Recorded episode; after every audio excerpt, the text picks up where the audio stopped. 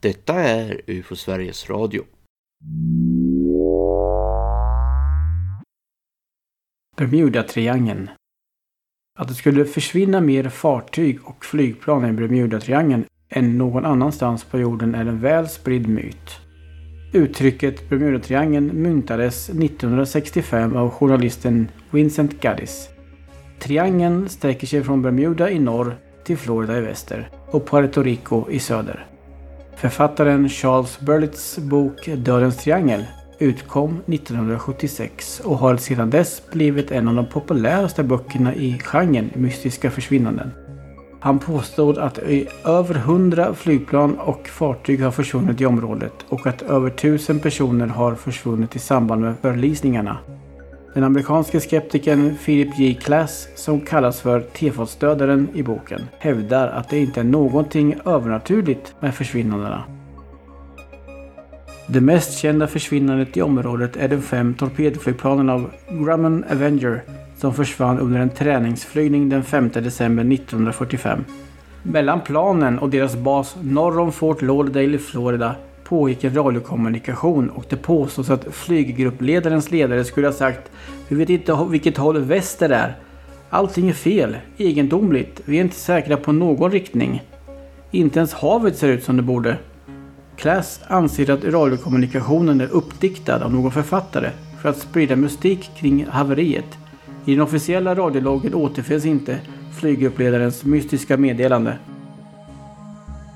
Nu tror forskare att uppströmmande metangas från havets botten gör så att föremål på vattenytan sjunker och flygplan exploderar.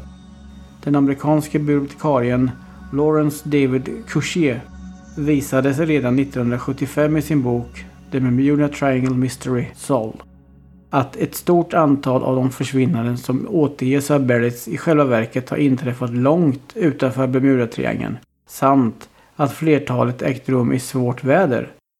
I många av de fall där Berlitz påstår att försvinnanden skett utan spår av vrakspillror hittats. Denna och många fler korta faktaspäckade artiklar i formen av uppslagsord, ofta med hänvisning till ytterligare läsning, hittar ni i UFO Sveriges utmärkta ordbok på ufo.se. Saknar du något speciellt ord som borde vara med i vår uppslagsbok eller som du vill ha en kommentar till, tveka inte att höra av dig till UFO Sverige.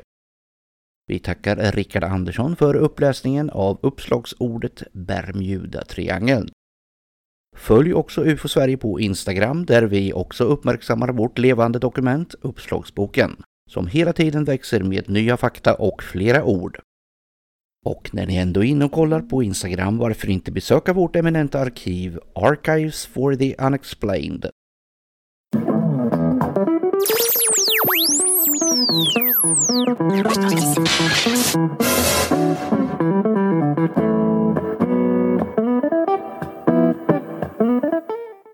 välkomna till UFO Sveriges Radio och då menar jag bokstavligen för utanför gassar solen i den övrigt blå himlen. Idag hälsar jag välkomna till två UFO-intresserade fältundersökande ufologer om en på något olika nivåer i sina UFO-karriärer. Hjärtligt välkomna Johan Gustafsson och Henrik Högild. Tack så jättemycket. Tack. Tackar, tackar. Johan känner de flesta till som regelbundet lyssnar på den här podden. Du är fortfarande UFO Sveriges ansikte utåt för vår kärnverksamhet genom ditt ansvar i Rapportcentralen. Hur står det till? Jo tack, eh, det är varmt och skönt ja, som du påpekar. Man kan väl eh, säga att det är en vardaglig säsongsskörd än så länge. Även om vi har haft våra peaks det här året så har det varit eh, på normal nivå senaste veckorna. Men dig Henrik känner vi inte så mycket från den här podden. Skulle du vilja säga några välvalda ord om dig och hur du hittade det här spännande ufo-intresset? Intresset har jag nog haft hela mitt liv och jag tror faktiskt att det är mina föräldrar som faktiskt varit lite öppensinnade som har fått mig att lite nyfiken på det här märkliga i tillvaron ungefär. Va? Och intresset har nog funnits så länge jag kan minnas tillbaka. Sen eh, när man fick barn och sånt och småbarnsåren då försvann väl intresset. Men nu när barnen börjar växa upp igen så får jag mer tillgång till egen tid som är så jätteviktigt att uttrycka. Och då börjar jag fundera på vad vill jag utöver det jag redan har intresse av med konst och sport och jobb och allting. Va? Nej, men jag vill, eh, jag blir nyfiken igen på det här lite udda och märkliga. Och då började jag söka upp och då hade jag ju hört talas om UFO Sverige och eh, lyckades ju även att hitta eran egen poddradio. Så så var det. Själv heter jag Tobias Lindgren. I och med dagens ämne vet jag att många kommer att bli glada för det är ett väl efterfrågat ämne för den här podden som heter UFO Sveriges Radio. Vi har då idag en observatör till märkliga händelser som får komma till tal, så det är ingen mindre än du Henrik. Mm, jag har ju varit med om en observation som inte jag blir riktigt klok på eh, och den har ju också rapporterat in till eh, UFO Sverige. Men det var ett tag sedan du gjorde det va? Jag, jag rapporterade in den för ungefär två år sedan tror jag. Och då var det dåligt med återkoppling? Ja, jag tror det i alla fall. Om inte den här mejlkontakten har hamnat i någon skräpkorg. Men jag har inte hittat någonting i alla fall. Är det någonting du känner igen på rak arm Johan? Inte på rak hand. Annars känns det väl ganska naturligt här att vi drar igång med din observation, Henrik. Du får gärna börja med att förklara för Johan, mig och lyssnarna här så att vi kan orientera oss i tid och rum. Ja, precis. Vi kanske ska ta och börja med uh, när i tid detta gjordes. Och det här var ju uh, troligtvis eh, hösten, oktober eh, 1998. Så det är ju väldigt många år tillbaka. Platsen är då Hedefors som ligger i eh, Lerums kommun. Hedefors är ju då en väldigt liten by kan man säga som ligger då mellan orten Lerum och Floda. Kommunen ligger ungefär en två och en halv mil nordost om Göteborg. Skulle jag tro ungefär. Så där har du plats och rum. Och det är din uppväxtort kanske eller? Ja, jag är uppvuxen i eh, närliggande ort eh, Gråbo och det är ju samma kommun också. Så ja, hemkommunen kan man säga. Den här observationen då ägde rum uh, ungefär klockan 02.00 en höstnatt. Detta var ju mitt första egna boende och hade väl bott där en tid tror jag, den här lägenheten.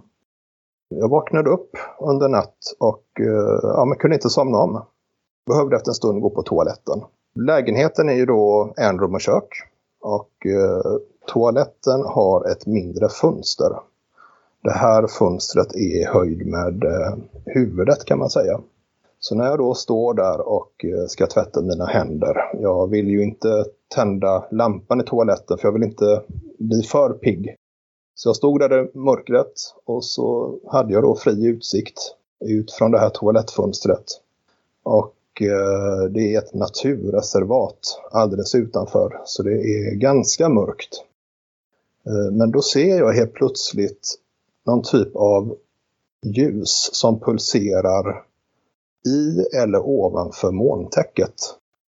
Och eh, reagerar väl inte först på det där. Eh, sen återkommer den här pulsen av ljus. Återkommer igen. Och efter några sekunder återkommer en sista gång. Så att jag observerar fyra stycken pulserande ljus helt enkelt. Som rör sig om man säger så, mot mig. Från hållet där orten Floda ligger. Fyra pulser. Till slut ser jag inte mer för att då är ju alltså taket. Jag kan inte se mig helt enkelt. Det förflyttar sig alltså under tiden du står där? Ja, det förflyttar sig ja. Eh, närmare och närmare min bostad helt enkelt. Jag lade märke till, eh, jag började ju självklart fundera på vad är detta jag ser för någonting kan det vara liksom eh, strålkastare från motorvägen. För att den här E20 den är ju väl trafikerad både eh, dagtid och nattetid. Jag funderar på, kan det vara någon typ av reflektion jag ser? Men nej, jag kunde inte tänka mig det. Är det någon typ av eh, stjärnfall eller på något sätt som jag, som jag lägger märke till? Men jag får inte ihop själva observationen. Sen har ju åren gått och jag har väl eh, jag, jag minns den här observationen väldigt tydligt men jag har väl inte lagt så jättemycket tid på att grubbla kring detta. Men nu när jag börjar att bli mer aktiv inom IFO Sverige så är det klart att jag har börjat fundera på det. Jag har väl aldrig tänkt att det här är liksom besök från yttre rymden. Utan jag tänker mer att det här är en observation av ett objekt som inte jag ännu vet om vad det är för någonting. Hur ska vi göra Johan här nu om vi ska angripa det här? Vet du vart du tittar åt? Uh, till att börja med, vilken riktning du tittar mot uh, som från Sovjet? Mm, jag tittar mot uh, öst eller nordost helt enkelt. Du ser det här, alltså rör det på sig hela tiden, det här objektet eller ljuset? Mm, ljuset rör på sig, ja. Hur fort går det då? Är det att den bara glider fram eller är det fort? Eh, så, så den... Ja, jag tänkte ju efteråt att det här observerar jag under en jättelång tid och vill ju först ha det till eh, liksom någon minut eller två men så är det absolut inte utan jag, eh, jag, jag, test, jag försökte gå tillbaka i minnet jag tänker det kan röra sig om 10 till 15 sekunder ungefär som jag observerar de här fyra pulserna av ljus helt enkelt. Mellan de här pulserna? är det ingenting. Helt tomt? Ja. Jag ser ingenting, eh, någon typ av föremål på något sätt. Liksom. Det jag noterar är ju att det är molntäcke. Så de här ljusen befinner sig i molntäcket? Eller det är molnet som lyses upp? Ja, molnet lyses upp ja. Så antingen är det ljuset i eller ovanför molntäcket. För rimligtvis om eh, det skulle vara nedanför molntäcket, under alltså, så borde jag ju ha sett någon typ av uh, flygplan, helikopter. Du kunde se en molnbas eller var det helt mulet? Nej, är helt mulet. Ja, så man kunde inte se var molnen började alltså så? Nej. Början av den här observationen, hade det kunnat pågå tidigare? Hade det kunnat vara mer pulser innan du började se det? Det är mycket möjligt faktiskt, men eh, jag tänker om man skulle tänka sig att man spelar den här filmen baklänges. Var börjar då det hela? Det börjar helt enkelt uh, när jag uh, står och tvättar händerna och tittar ut. Det är då jag uh, noterar det. Jag noterar ingenting innan dess. Och jag har inte heller noterat någonting annat när jag stått på den toaletten. Det här, det här ljuset då, är det, är det ett vanligt vitt lampljus eller är det någon nyans av annat slag på? Det är ingen nyans i det utan det är vitt. Lite kanske gulaktigt sken i det va? Jag ser mm. ingen eh, blandning av andra färger. När det rör sig mot dig, om du jämför den där när vi tittar på flygplan på hög höjd. De ser inte ut att gå så himla fort utan vi kan ju följa dem under en lång tid och de glider eh, långsamt fram på himlen. Hur fort gick det här i ditt synfält så att säga? jämfört med ett flygplan som på 10 000. Det fortare än långsamt. Då går det fortare. Det gör det. Jag är uppvuxen eh, någon mil, två mil från Hedefors och eh, har både hört och sett flygplan flera gånger per dag. Eh, mm. Både på lägre och högre höjd men eh, det här eh, rör sig snabbare. Det går fortare? Okay. Ja, det gör det. Storleksmässigt då, när de här pulserna sker hur, hur, stort är det här ljuset när det är som störst då? då? Nu, nu, det jag fiskar efter här det är också sådana här relativa mått eh, som hur, hur, stort det är i ditt synfält. Mm. Är det bara ljuspunkter som lyser upp eller är det... Nej, det är ingen punkt är det inte utan ett... Eh, om jag skulle hålla ut min hand och med tummen så skulle knappast den här pulsen av ljus eh, täcka som min tumme. Jag hade fortfarande sett sken runt tummen om man säger så. Om du jämför med fullmånen istället. Hade den täckt fullmånen om pulsen skedde framför fullmånen? Ja då, eh, fullmånen skulle ha täckts av eh, det här pulserande ljuset. Det är ändå ganska, ganska så påtagligt och stort i sitt omfång. Ja, finns det någon form på det här ljuset eller är det liksom formlöst? Eh, så är det bara ljuspulser utan någon Ja, det är ingen eh, form i det utan det kan man säga att det är, det är en cirkel fast det fejdar ju ut helt. Så att mm. jag kan inte se någon form i det på något sätt. Hur, hur lång tid trodde du nu? Du var inne på det. Mm. Den totala observationstiden där. Den har du korrigerat nu alltså ner till ja, 10-15 sekunder ungefär. 10-15 sekunder. Ja. Hördes det något ljud? Nu stod du inomhus men... Jag stod inomhus och eh, fönstret eh, var ju stängt. Sen är ju den här typen av byggnaden var ju väldigt lyhörd. Eh, men jag hörde inget ljud in i, till mig. gjorde jag inte. Och då är det ju ändå så att jag har ju då E20 som ligger kanske ja, 250-300 meter närheten. Och där kan man ibland höra lite trafiksus. Jag hörde ingenting utöver det vanliga när jag observerade detta i alla fall.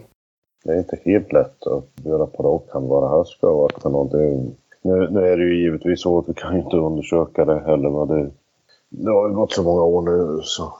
Det låter ju på sätt och vis lite grann som, lite, eh, som satellitblixtar, iridium eller något. Men det är ju det här, alltså den påtagliga storleken på det här ljuset som gör att, att jag inte tycker att det stämmer med, med det ändå. Ja, du nämner satellitblixtar, eller vad sa du? Vad, inne, vad innebär det? Alltså de, de kan ju eh, skina upp och eh, lysa i en, eh, ja, ett starkt sken helt enkelt. Mm. För att sen tona ner igen. Va? När satelliten roterar och så kastar den reflektioner mot observatören mot bak så skiner den upp. Och sen så när vinkeln på den så, så skiner den, eller tonar den ner igen. Det fanns ju en sån äh, eh, sorts satelliter som hette Iridium-satelliter för.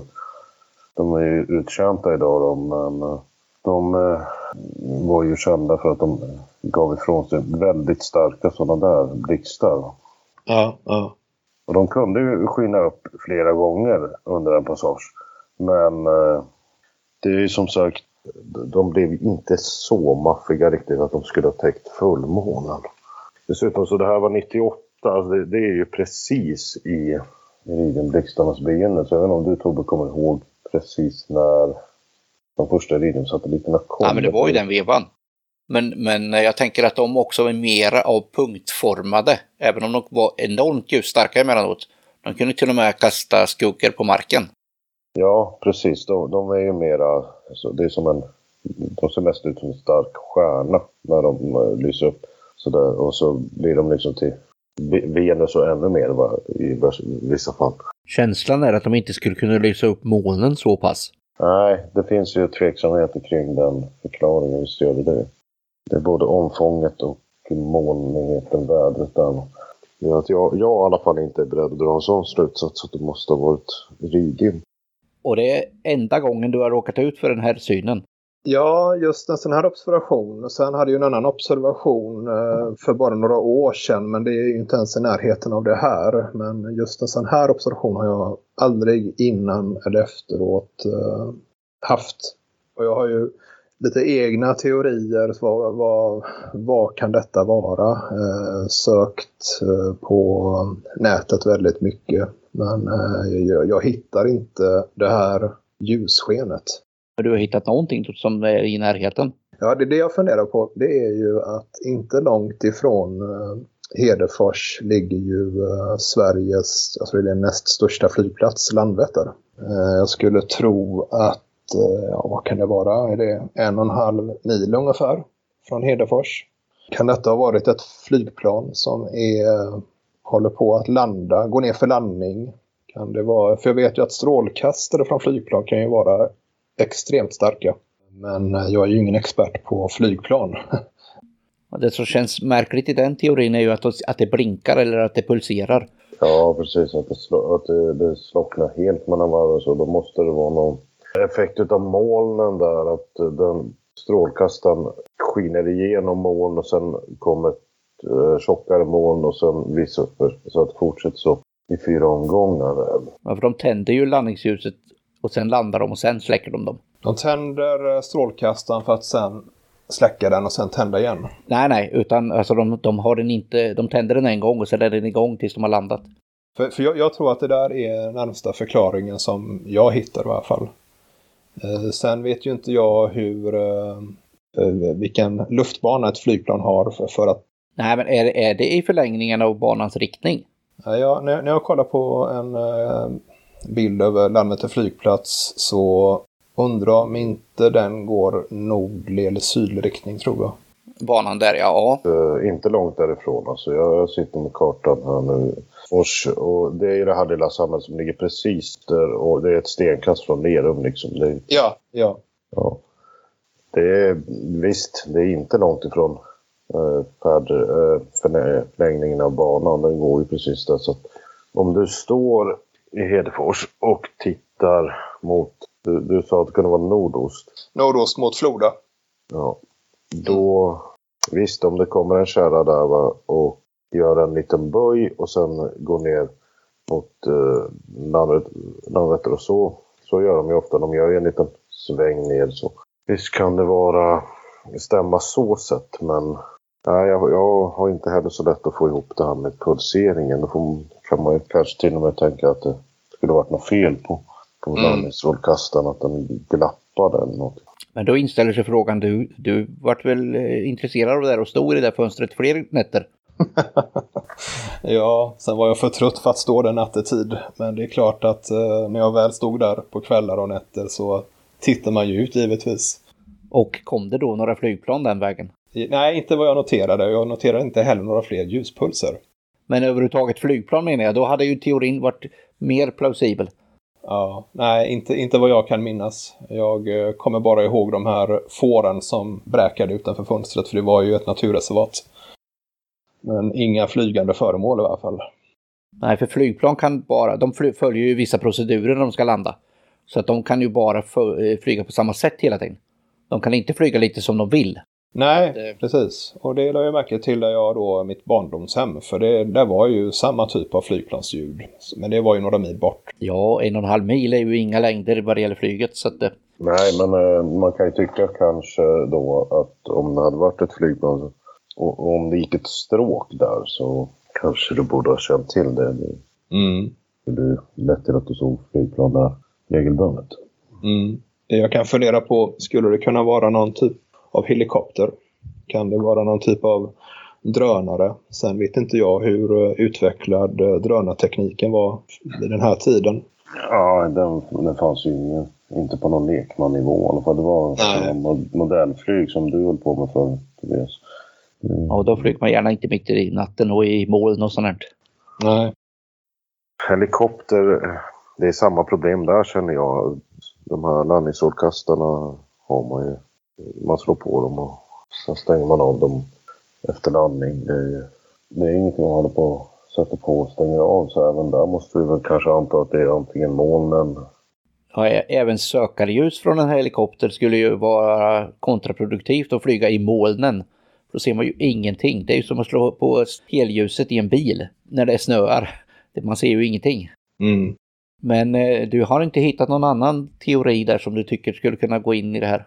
För min del, nej. Nej, det, det, alltså, jag funderar på en sak och det, det, här var ju ännu tidigare. Det här var ju när jag själv var tonåring och eh, boende då i eh, Gråbo. Då gick det ju någon dokumentär på SVT någon kväll om då UFO av olika slag och då var det ju då var det någon typ av lantbrukare som eh, ville skoja till det. Han ägde också en sån här gammal eh, militärstrålkastare. Så den drog han ut där sent på kvällen efter den här dokumentären på SVT. Och började ju eh, köra runt med den på, i molnen varpå en stor del av Gråbos befolkning reagerade. Så jag funderar på, kan det ha varit någon typ av sånt skämt i så fall? Men eh, det som inte stämmer överens det är det att det, det, det gav inte samma effekt på, som ljuset på strålkastaren, det jag såg i Hedefors. Du menar att du borde ha sett någon typ av stråle då? Ja, den här pelaren som ofta kan eh, visa sig. Sen är det klart att en pelare, ljuspelare visar sig beroende på hur mycket eh, fuktighet det är i luften. Eh, men jag noterar inget sånt här och skenet från strålkastaren, den, den var ju väldigt skarp. Den skapar ju verkligen en cirkel på molntäcket. Så var det inte observation jag hade i Hedefors. Hur stark var ljusstyrkan på det här producerande ljuset. Var den stark eller svag eller något? Väldigt starkt. Väldigt starkt. Inte alls att jag blir bländad men mm. ett väldigt tydligt och klart eh, vitt sken. Lite gulaktigt kanske. Det talar ju lite emot en, en strålkastare. Även om man antar att det är någon skojare ute och ska avsiktligt skapa det här och kanske håller på och tänder och släcker strålkastaren för att skapa den här pulseringen. Ja. Alltså ett strålkastarljus, det är ju karaktäristiskt för att det ger just sådana här nästan alltid diffusa reflexer mot molnen. Mm. Det är, de ser mer ut som ljusfläckar liksom. Mm. Inte, man har inte de här, som du säger nu, liksom ett skarpt ljus. Det... Men ska man ha ett extremt kompakt molntäcke som är mer eller mindre platt under till. Men just den här perioden runt sekelskiftet där var ju, fick ju för Sverige in, ja inte kanske många, men, men något fler rapporter från som just bevisade sig vara sådana här strålkastare. Så var det eller? Det var populärt just då. Och även då inte bara den militära varianten utan vad ska man säga, hobbyvarianten som man hade på jippon och sådär på festivaler och på hustak när man hade partaj och sånt. Det är ändå ingen på något vis övertygande förklaring som jag ser utan det, det känns ganska osannolikt att det ska ha varit en strålkastare utifrån det. Det som gör det lite synd är ju att den lilla korta observationstiden där hade man kunnat se mer av själva ljusspelet om det hade varit så. Då hade man kunnat kanske räkna ut varifrån ljuset kom.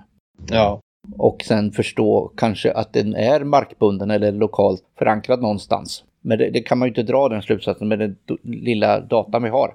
Nej, och eh, jag förväntar mig ju inte att jag ska få ett tydligt svar på det här. Absolut inte, utan... Men, men det skapas mycket frågetecken bara. Och jag är en sån person att jag vill jättegärna förstå vad är det jag ser i min tillvaro. det är en bra början på en grävande karriär som ufolog. Ja, det hoppas jag du. Men du har observerat andra saker säger du också? Ja, det var ju faktiskt eh, lite roligt det där. Den här, jag gick ju då fältundersökarkursen nu i eh, förra året, oktober månad. Samma dag som, eh, eller samma kväll som jag kommer ner så får jag lite senare ett sms ifrån eh, min son. Som observerat någonting på himlen här i Örebro. När jag kom hem så försökte jag använda mig av det som jag har lärt mig på kursen och han skickade in till UFO Sverige och fick också svar. Som det ska vara. Som det ska vara ja. Och snabbt gick det också. Och det var ju någon typ av asteroid eller stjärnfall som man säger. Det intressanta var ju där att eh, vanligtvis om jag tittar upp på himlen och ser någon typ av stjärnfall så brukar ju det vara kanske att jag observerar stjärnfallet från vänster till höger eller tvärtom. Men det här var alltså ett stjärnfall som skedde bakom huvudet och framåt. Så det blev ett streck framåt. Och det var det som eh, UFO Sverige också kom fram till. Och det kanske var du Johan som tog fram den, det resultatet, inte vet jag. Ja, så den var ju eh, väldigt intressant på det sättet att få svar också. Sen var det ju vid ett tillfälle för kanske fem år sedan då jag skulle flyga hem ifrån eh, Sypen. Eh, flyget eh, lämnar eh, flygplatsen nattetid kring kanske halv två. Så det är mörkt ute. Och eh, på väg upp till Marshöjden så tittar jag ut genom flygplansfönstret och ser något cigarrformat ljust fenomen längre bort. Eh, la faktiskt ingen större notis till det där för att jag var så väldigt trött för då hade jag redan varit vaken i typ 19-20 timmar. Eh, jag tänkte väl mer att ja, men det där är väl ett annat flygplan som är på väg upp också. Men eh, jag tror väl inte att flygplatser tillåter att två flygplan lyfter samtidigt så kort in på varandra. Det var endast en observation som man gjorde. Det är ingenting som jag sådär, tolkar eller grubblar kring. Du reagerar inte på om någon annan iakttog samma sak? Nej, jag tror att de flesta som satt på det flygplanet var nog väldigt trötta. Ungdomarna som satt bredvid mig, de var väl säkert nere på någon klassresa. De var nog ganska bakfulla och trötta och ville sova. Så jag var nog vaken själv tror jag. Så ingen annan som reagerar på det i varje fall. Den har inte rapporterat in. Jag vet inte om man ska göra det heller om det, när det är utomlands. Eh, Är ju på Sverige nyfikna på observationer utomlands också, eller? Ja, alltså vi, vi tar emot dem också. Vi har ju svårt att undersöka dem. Kommer det in, vilket det gör ibland, eh, då dokumenterar vi dem också. Jag kan svara på varför du inte fick svar på din tidigare rapport här. Ja. Att, uh, den verkar inte ha kommit in till oss överhuvudtaget nämligen. Jaha, så var det med det då. Jag har i alla fall sökt på, på både Hedefors och eh, på Lerum nu och jag hittar inte din rapport på någon av dem. Så den har nog försvunnit i något digitalt tucken där någonstans. Mm. Tyvärr så märker vi att det sker ibland. Det är inte ofta men det händer. Ja, jag använder mig ju av eh, den här rapporteringsfunktionen på er webbsida. Så, mm. Den kan ha fastnat i något system eller i något spamfilter eller dylikt. Så att, eh, det var ju bra att vi fick dokumentera den här i podden nu istället. ja, fyller sitt syfte. Men du fick nytta av din eh, kurs då som du gick där. Absolut, det fick jag. Eh, och eh, när jag nu är ute och promenerar med min familj så jag har väl blickarna mer uppåt i skyn än uh, ute i skogen och naturen kanske. det blir väl resultatet. Men uh, sen medför det också att man blir väldigt skeptisk och man granskar ju väldigt mycket. Man köper ju inte allt som uh, läggs ut viralt med mera liksom. Eh, utan man blir ju väldigt, eh, eller jag blir i alla fall väldigt skeptisk av mig. Om jag, om jag inte var skeptiker innan så blir jag det definitivt efter eh, fältundersökarkursen. Och du märker skillnad på andra kamrater och vänner och sånt runt omkring dig. Som har samma intresse. Nej, men allmänt bara om att du har, har fått en annan insikt i vad vi håller på med. Jo då, det är många som blir nyfikna. Det, visst, det skapar så mycket rädslor också när jag pratar om det här området. Det är jag ju inte så obekant med. Men väldigt mycket nyfikenhet. En betydligt större nyfikenhet och öppenhet nu än för kanske 20-25 år sedan. Definitivt. Det har väl säkert att göra med att det blivit mer accepterat att prata om de här, det här temat. Ja, och det gäller väl eh, ganska brett det där. Att det, har, det har blivit bättre med åren. Även om det fortfarande inte är helt perfekt. Men du som är ny i det här gamet vad det gäller UFO Sverige, hur, hur, hur märks UFO Sverige av utanför våran egen? Vi är ju lite insyltade själva här för mycket så vi tror att vi är kända. Jo, men det tycker jag UFO Sverige är i alla fall känt nationellt i, i Sverige och eh, det, jag fick ju höra talas om UFO Sverige redan på 90-talet och eh, Claes Svahn är ju ett återkommande bekant namn. Eh, men det har ju definitivt, det är ju en organisation som definitivt blivit eh, mer synlig utifrån också filmen UFO Sweden.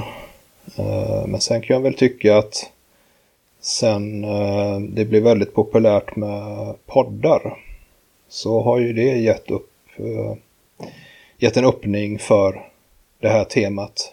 Så UFO Sverige har ju blivit betydligt kändare än tidigare i min uppfattning i alla fall. Jag tycker att uh, när det, man läser artiklar typ i kvällspress så är det ofta som uh, observationer beskrivs att det här är lämnat till UFO Sverige för utredning. Det är ju den enda instansen som finns nu för tiden som tar hand om det här.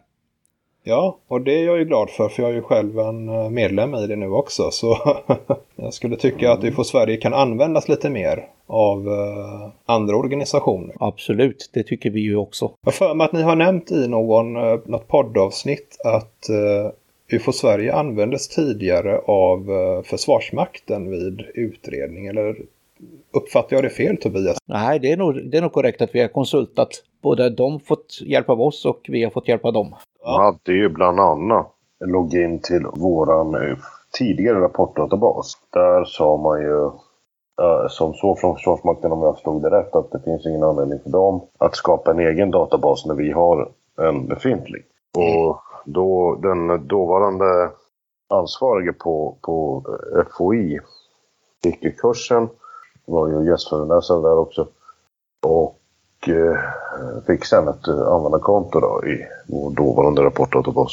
Så att mm. de har ju man har haft användning av oss också. Ofta har det ju varit mycket sådana frågor som är icke-frågor för försvaret som de skickar direkt till oss. Men är, det, är detta någonting som används idag också av Försvarsmakten? Ja, det allmänna användsklimatet har ju blivit mycket mer restriktivt så att det har ju minskat naturligtvis. Det har det mm. Ja, utan vi, vi arbetar ju med lite andra format och grejer idag. Men eh, alltså vårt samarbete, vi har ju haft mycket god eh, kontakt med och informationsutbyte med, med radarenheter så inom försvaret. Och det, det fortsätter ju ännu. Det finns ju kvar än idag. Mm. Förut så lämnade ju försvaret ut en rapport om alla sådana här incidenter som skulle kunna vara intressanta i vårt ämne. Men det har de ju slutat med lite nu då, på senare år. Och det kan man ju förstå kanske att man inte vill tala om om man ser saker som man inte kan identifiera.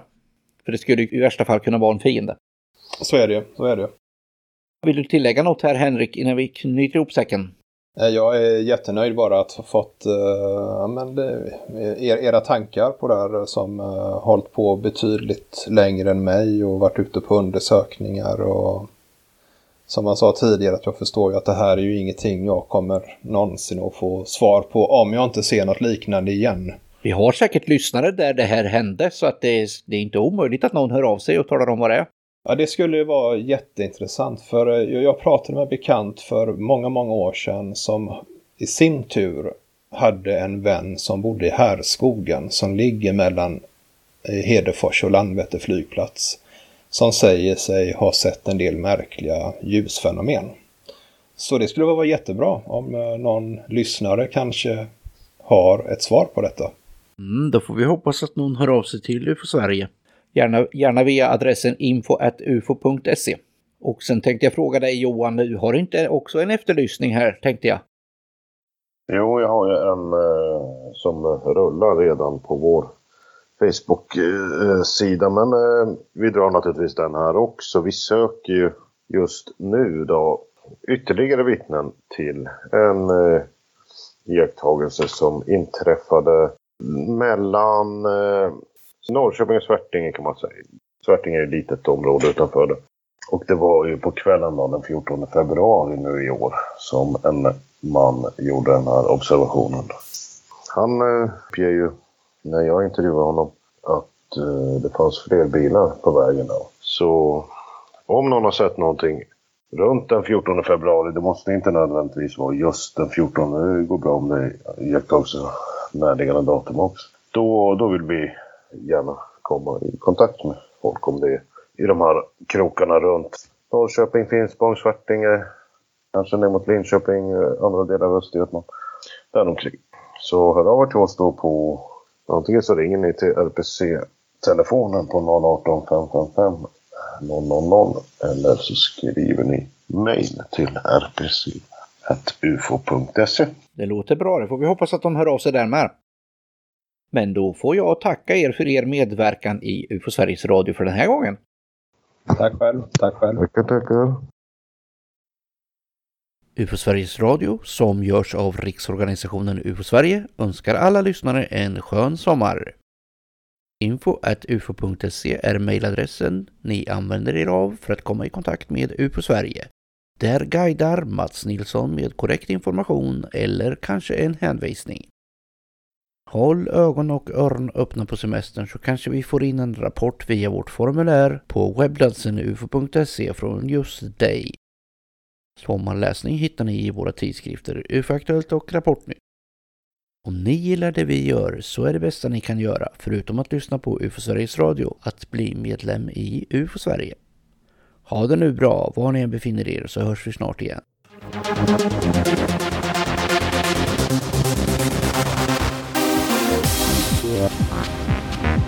Thank you.